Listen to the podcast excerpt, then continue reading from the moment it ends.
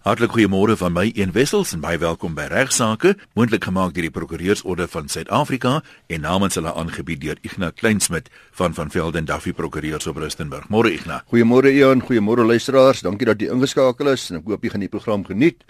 Ian, 'n paar interessante aspekte wat ek vinnig wil hanteer. Eerstens wil ek bietjie praat oor die gelykheidshowe hier in Suid-Afrika 'n uh, nuwe konsep vir baie van ons, maar iets wat al hoe meer en meer gebruik word as ons na die media kyk nou. In 1994 het ons as Suid-Afrikaners nou, soos ons almal weer die jare van apartheid gegroet en die koms van ons nuwe grondwetlike bedeling verwelkom en gelyke regte en beskerming en geleenthede is hier artikel 9 van ons soewereine 1996 grondwet aan al ons burgers toegeken en ook gewaarborg. Nou waar ons nietemin so gereeld met berigte van diskriminasie en rasisme in die media gekonfronteer word, moet die regte en beskerming wat individue en groepe verleen word, uit die aard van die saak op program soos hierdie bevraagteken word. Die grondwet het ook voorsiening gemaak vir die promulgasie en dis die belangrike ding vandag van die wet op bevordering van gelykheid en voorkoming van onbillike diskriminasie. Dis wet 4 van 2000. Ons praat van die PEPUDA, P E P P UDA wet die, die Engelse afkorting is PIPUDA en hierdie wet het die uitsluitlike doel om gelykheid soos deur die grondwet beoog te bevorder en ook te bewerkstellig op 'n goedkoop en 'n maklike manier. Volgens uh, die definisie van hierdie wetgewing uh, word gelykheid beskou as die volle en gelyke genot van alle regte en vryhede. Nou PIPUDA maak op sy beurt ook voorsiening vir die instelling van gelykheidshowe. Dit is nou as remedie vir slagoffers van diskriminasie of ongelykheid, enige vorm van ongelykheid. Nou hierdie howe met setels by feitelik alle landroshowe is dan die gewenste forum waar ons samelewing se mees kwesbare individue en groepe as slagoffers van diskriminasie bygestaan kan word. Dis nou waar mense soek na gelykheid waar hulle grondwetlike gewaarborgde regte beskerm kan word. So belangrik vir my dat al die luisteraars moet bewus wees van hierdie gelykheidshowe, want in gevolge Pepuda kan enige veronregte persoon, maak nie saak wat jou kleur is nie, maar ons het almal dieselfde beskerming of ras is nie. Kan enige persoon met 'n prima facie saak hierdie gelykheidshof nader? Let wel sonder prokureurs, jy het nie prokureurs nodig en 'n klomp geld wat jy gaan spandeer nie. Indien dit blyk dat daar moontlike diskriminerende optrede is of was wat jou geregtig maak om hierdie hof te gebruik, dan verrigtinge word by wyse van vorm 2 by die klerk van die gelykheidshof ingestel. So ek sê by jou plaaslike landroskantoor gaan jy. Gewoonlik die gewone klerk van hof is ook die klerk van die gelykheidshof. Uh, kleiner, daar's in 'n groter howe sentra is daar 'n spesifieke klerk wat hierin aandag gee. Nou die klerk sal nou alles oorweeg en na oorweging van 'n klomp faktore insluitende byvoorbeeld goed soos jou persoonlike omstandighede, jou wense, jou behoeftes, jou toeganklikheid van ander vooronds wat jy dalk al in reeds is, sal die klerk van die hof uh, of vorm 3 invul en die respondent in kennis stel van die aksie en amper soos 'n dagvaarding. So hoor jy ons gaan nou jy word beskuldig hierdie van diskriminasie of een of ander kwetsende optrede. Uh en of die aangeleentheid dalk verwys na 'n ander hof. Maar die meeste van die gevalle waar dit suiwer diskriminasie sal hierdie hof dan daarna kyk. So is baie eenvoudig. Gaan klerk van die hof toe die klerk van die hof vir die ander party weet. Hierdie is 'n probleem. Ons wil dit in hierdie hof hanteer. So daar's werklik gepoog om individue en groepe op hierdie manier te beskerm teen diskriminerende optrede en wanneer daar na die hoeveelheid en die erns van van berigte haatspraak in ons samelewing gekyk word is dit duidelik hierdie poging aangewend word om hierdie aspek ook waar in ander howe baie moeilik is om om dit te beredder om dit ook aan te spreek. Nou Pepuda verbied uitdruklik haatspraak. Dis hy sê dit spesifiek in die wet en verklaar in hierdie opsig dat geen persoon woorde gebaseer op een of meer van die verbode gronde as hier 'n klompie gronde teen enige persoon mag publiseer, propageer, verkondig of oordra wat redelikerwys vertolk kan word of die bedoeling het om eerstens kwetsend te wees of om skadelik te wees of om skade aan te stig of om haat te bevorder of te propageer. 'n baie baie wye definisie. En hierdie wye definisie maak voorsiening vir die insluiting van 'n klomp aangeleenthede en amper 'n onbeperkte groep klaars. Dit is toegang tot hierdie gelykheidshowe. Uh dit lei egter ook tot ander probleme deurdat rassistiese uitlatings moeilik krimineel strafbaar gemaak word as gevolg van hierdie omvattende definisie. Indien rasisme onwettig verklaar sou word, word 'n eng definisie genoodskaap om te voorkom dat hierdie saak bloot in die konstitusionele hof opeindig. Nou in hierdie opsig het ons gelyke howe onlangs byvoorbeeld die media se aandag getrek. Julle sal almal daarvan weet luisteraars met die bekende Penny Sparrow aangeleentheid. Dis in 'n gelykheidshof gehanteer Uh nadat sy rassistiese opmerkings gemaak het oor sosiale media, dis dit versprei soos julle almal weet, is sy deur die ANC na die gelykheidshof geneem om 'n uh, vrou te staan vir haar uitlatings. Vervolgens het die hof haar opmerkings as haatspraak verklaar en sy beveel om skadevergoeding in die bedrag van 150 000 rand aan 'n organisasie wat gelykheid bevorder te betaal. So dis baie duidelik dat hierdie gelykheidshof inderdaad 'n noemenswaardige verskil kan maak, veral in die voorgesette stryd teen rasisme en om effektief in hierdie stryd te wees, is dit noodsaaklik dat hierdie forum, hierdie gelykheidshof, se bestaan onder die aandag van almal, alle individue en veral minderheidsgroepe gebring moet word. Nie is die Afrikaners ingesluit. As daar teen jou gediskrimineer word op 'n of ander manier uh, of haatspraak geopper word, is hierdie hof 'n maklike en eenvoudige en 'n goedkoop proses en wat my betref 'n baie effektiewe proses, maar ongelukkig word om een of ander duistere rede nog nie deur Suid-Afrikaners regtig gebruik nie. Dalk as gevolg van die feit dat hulle nie bewus is daarvan nie. Ek wil net twee opmerkings maak daaroor waarop jy miskien kan kommentaar lewer. Ek dink in die eerste plek gaan baie mense sukkel om hierdie ding te balanseer met vryheid van spraak. Ek kan mos nou sê wat ek wil, dink party mense. Ja, ja, ja. En die ander ding is ek mag 'n opmerking maak wat deur sommige mense vertolk word as 'n rassistiese opmerking byvoorbeeld, maar ek bedoel dit nie rassisties nie. Is daar 'n objektiewe tipe van toets is die bewysnas ja. op wie? As jy die eh, moet ek bewys dit was nie rassisties nie, maar die ander persoon bewys dit was rassisties of is dit net blote bevinding wat die hof maak as 'n mens die uitlating nou voor die hof lê? Ja, die bewyslas in die gelykheidshof is vergelykbaar met die in in in 'n strafhof, maar my indruk is dat die landros in 'n gelykheidshof, die voorsittende beampte dan liewerste, sal baie meer in die arena indaal. In ander woorde, dit gaan nie so seer met daar word nou 'n klomp getuies genei en nou word jy ontslaan en wat ek nog nie word. Al die getuienis word in sy geheel na gekyk en dan sal die landros nou kom jy weer baie na oorwig van waarskynlikhede toe nie. Dan sal die landros sê wat sou die redelike Suid-Afrikaner gedink het van hierdie wat hier gesê is. En sodra jy van spraakvryheid praat, dan is daar natuurlik 'n reuse verskil tussen die spraakvryheid wat ek en jy het en dit wat die media het. Die media word baie meer spraakvryheid toegelaat omdat dit baie meer openbare belang is om sekere goed te sê as wanneer ek en jy mekaar hier oor en weer beledig want daar ja, speel ja. openbare belang eintlik geen rol nie. Ons is net besig om mekaar sleg te sê. En hierdie gelykheidshowe is baie meer gerig natuurlik. Nie op die media nie, maar meer op Jan en Alleman. Ons almal wat vandag luister en, wat, en ek en jy wat vandag hier gesels. In 'n woorde as ons te nagekom word, as daar teen ons gediskrimineer word as individue, As ons tyd het kan ek miskien gou gesels bietjie oor die media ook. Dis 'n goeie plan want ek sit nou en dink aan ja. van die opmerkings wat die pers gehaal het. Politikus van van die DA wat op 'n stadium gesê het dit gaan nou so erg in die land, mense begin terugverlang na PW toe. Ja. Maar daar was 'n hengse storm daaroor, maar dis ooglopend sarkasties bedoel. Ek dink nie sy het bedoel en nou kyk hoe sy daarna sou gekyk het dat dit weet bring terug apartheid soos wat baie mense dit vertolk het nie. Dis ja. half 'n ekstreme sarkastiese opmerking. Ja, korrek. En ek en jy luister daarna uit ons eie ervaringsveld en ons eie ingesteldheid. Ja. En sommige van ons kan onsself eintlik so bietjie daarmee vereenselwig. Terwyl dit glad nie beskou word deur ons as rasisme nie, terwyl ander mense dit weer as baie grove en kru rasisme ervaar. Nou in die media sal mens dikwels sien dat daar 'n uitdaging is. Een van die jong prokureurs daar by ons, Nicola Botma, het my 'n baie oulike stukkie geskryf oor presies hierdie aspek. Hy sê dat dat die uitdaging word soms dikwels onnodiglik vererger.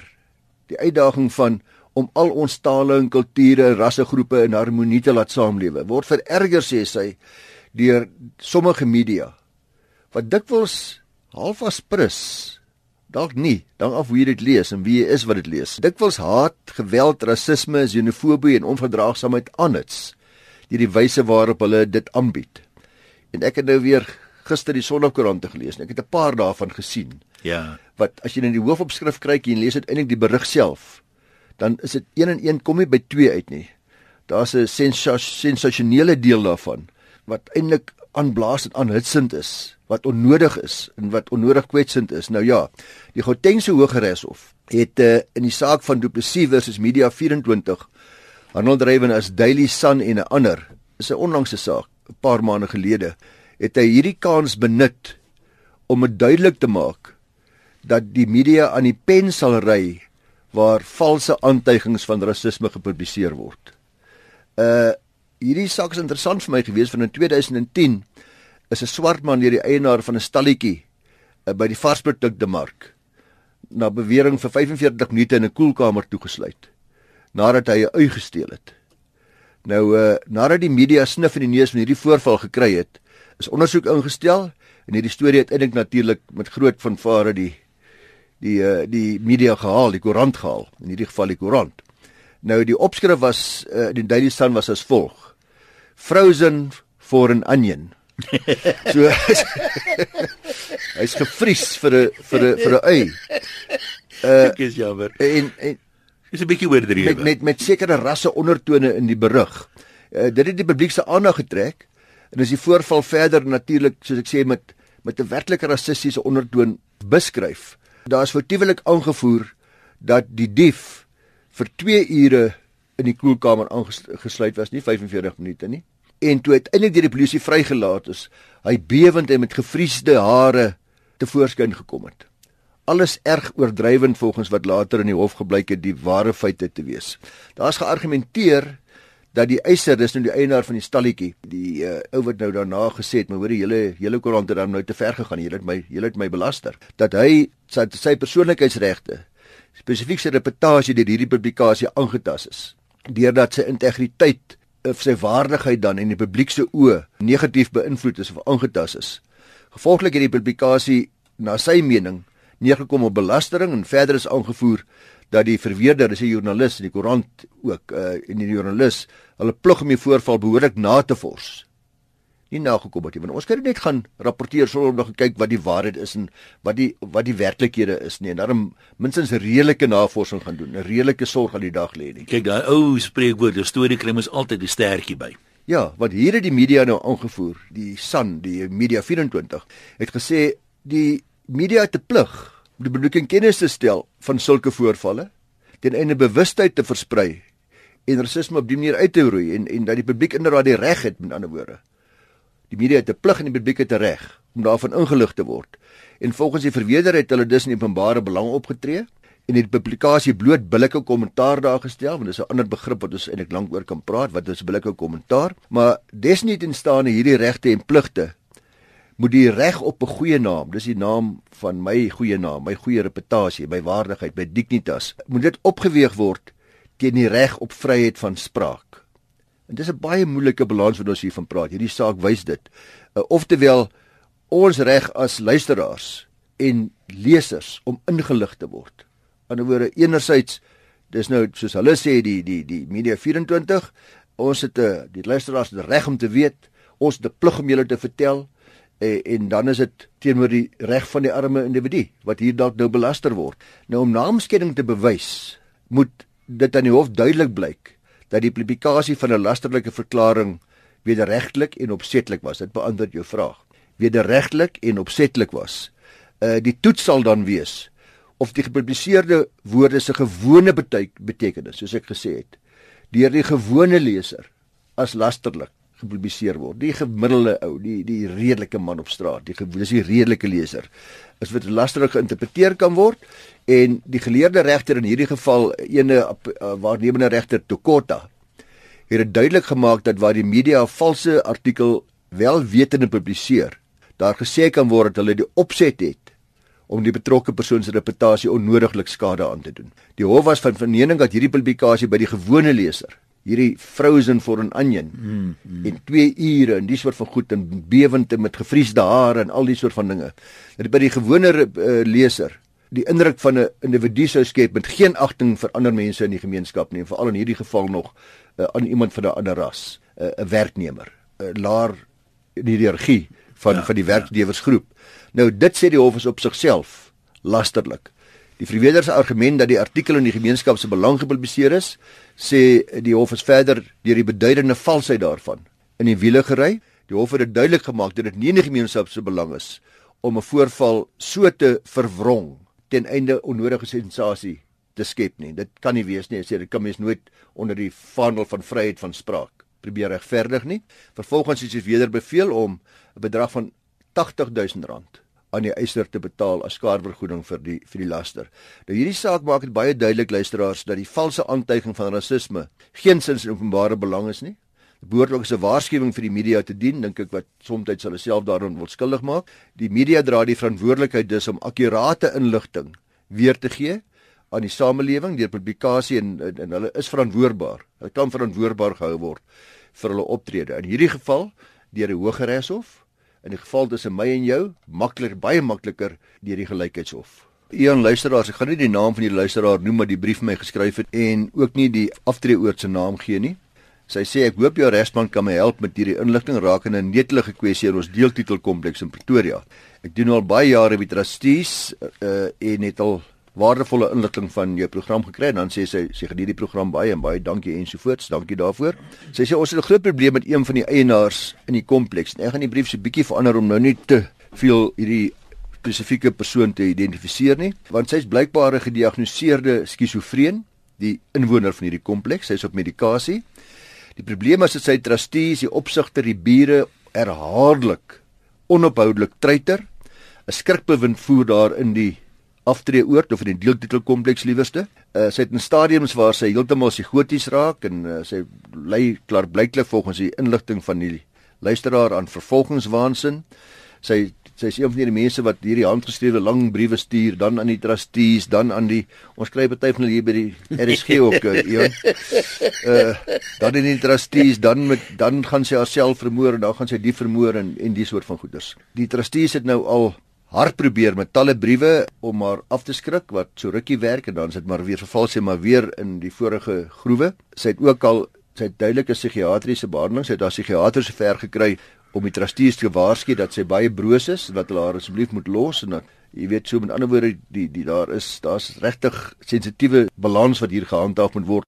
Belangrik is ook vir die beheerliggaam en alle ander beheerliggaam kennis te neem daarvan dat daar twee nuwe stukke wetgewing op 1 Oktober 2016 die lig gesien het. En die hele doel hiervan is om uh, die soort van probleme wat beheerliggame gereeld het aan te spreek sonder die moontlikheid van van hofgedinge. Ja, jy het genoem as 'n dier interdik. Is 'n dier om te kry. Is 'n dier interdik. Nou op 1 Oktober het die wet op die bestuur van deeltitels en die wet op die ombudsman gemeenskaplike skemas dit in werking getree. Temba Mtetwa is die nuwe ombudsman vir gemeenskaplike skemas en soos ek sê die gedagte is om vrede te bewaar en uh, beheerliggaam moet in die toekoms skriftelik vir hierdie ombudsman in kennis stel indien hulle nie daar in toe hard toe in staat is om 'n probleem soos in hierdie geval op te los nie. Nou as ek dan die wet kyk, lyk dit nie vir my of hierdie spesifieke probleem kan oplos nie, maar tog dink ek is dit belangrik dat die beheerliggaam vir hom moet laat kennis gee voordat hulle begin die kostes aangaan van 'n hofgeding dat hulle hierdie probleem het en dat hulle nie in staat is om die geskil op te los nie en die wet verplig hulle om eers alle pogings aan te wend wat ek dink hulle reeds gedoen het om hierdie geskil wel op te los. Nou uh baie ander geskille wat beheerliggame gereeld oor praat, behoort dan nou deur hierdie kantoor van die ombudsman.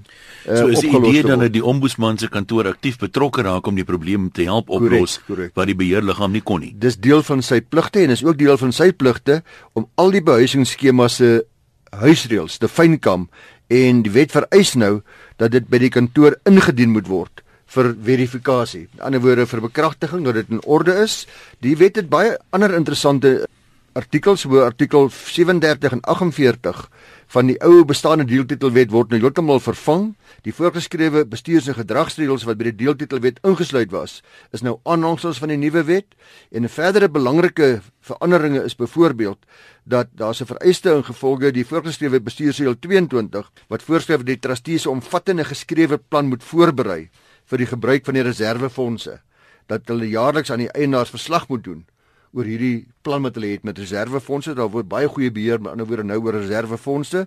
Bestuursreël 23 sê nou dat moet elke 3 jaar 'n vervangingswaardasie van die geboue wees Uh, ag daar's 'n klomp ander dinge. Dit is belangrik dat bestuursliggame baie mooi hiervan moet kennis neem. Dit is ook belangrik om daarop te let dat die voorgestelde wysigings uh aan die gedragsreëls deur die kantoor van die ombudsman goedgekeur moet word dat dit slegs afdwingbaar sal wees met ander woorde hierdie gedragsreëls in die toekoms nadat die ombud 'n sertifikaat van goedkeuring uitgereik het. So baie belangrik luisteraars dat uh, daar's baie goeie pogings. Ek dink lofwaardige pogings deur die wet om die gewone geskille wat ons elke dag het, nou liewer op 'n vinniger manier deur 'n ommoed op te los. Ten slotte 'n bietjie goeie nuus vir almal wat vir ons bydraes gestuur het vir ons boek oor humor in die regswêreld.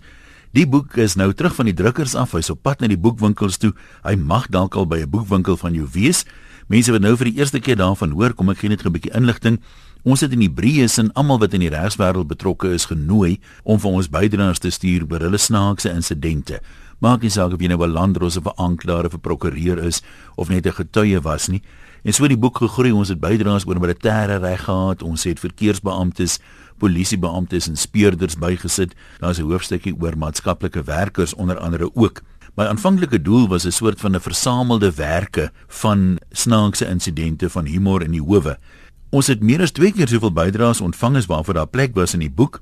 Die boek se titel is Genade edelagbare en dit word deur Lapa Uitgewers uitgegee saam met RSG Ek is die samesteller daarvan.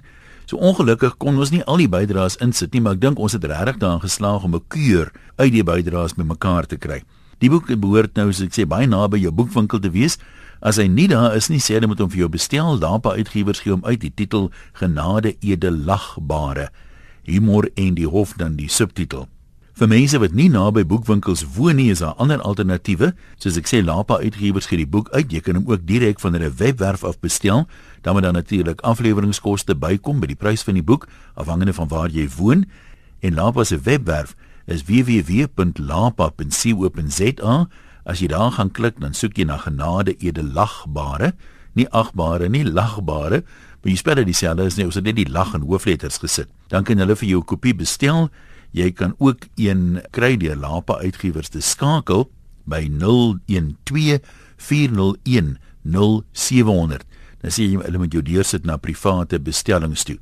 As jy dit as 'n e-boek verkies, dan kan jy ook uh, so koop hy's op amazon.com ook as e-boek beskikbaar.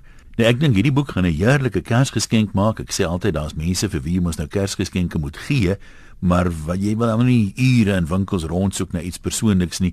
So hier's 'n lekker lagboek wat lekker maklik lees, kort stukkies so jy kan hom so lees terwyl die ketel kook en dan draai natuurlik sommer maklik toe ook. Ek wil net aan almal wat bydraes gestuur het baie baie dankie sê. Ek het nou wel die voorreg gehad om dit saam te stel, maar dis nie my boek nie, dis RSG luisteraar se boek. Ek kry maar net krediet as die samesteller en uh, baie van hierdie boekies was altyd baie gewild hier op regsaake maar hulle is nie meer in druk nie so hierdie is nou die beste vir my wete die een eerste een wat nie gaan net oor sekere juriste of oor 'n sekere juris se herinneringe nie maar oor 'n baie baie breë spektrum. So gaan ek wil terugvoer hè. Hoop jy gaan uh, die boek geniet. As jy vir my wil laat weet wat jy daarvan dink, dan kan jy my skryf by 1 by rsg.co.za of jy kan na my webwerf toe gaan eenwessels.com en daar by kontak my kan jy jou besonderhede insit. Die boek word amptelik volgende week bekend gestel, so volgende maandag die 28ste November. Sy regsaake is 'n bietjie anders. Dis 'n regstreekse uitsending. Ek en Ignas gaan by CNA wees in die Arena Village Mall daar in Centurion. Dis die amptelike bekendstelling van die boek.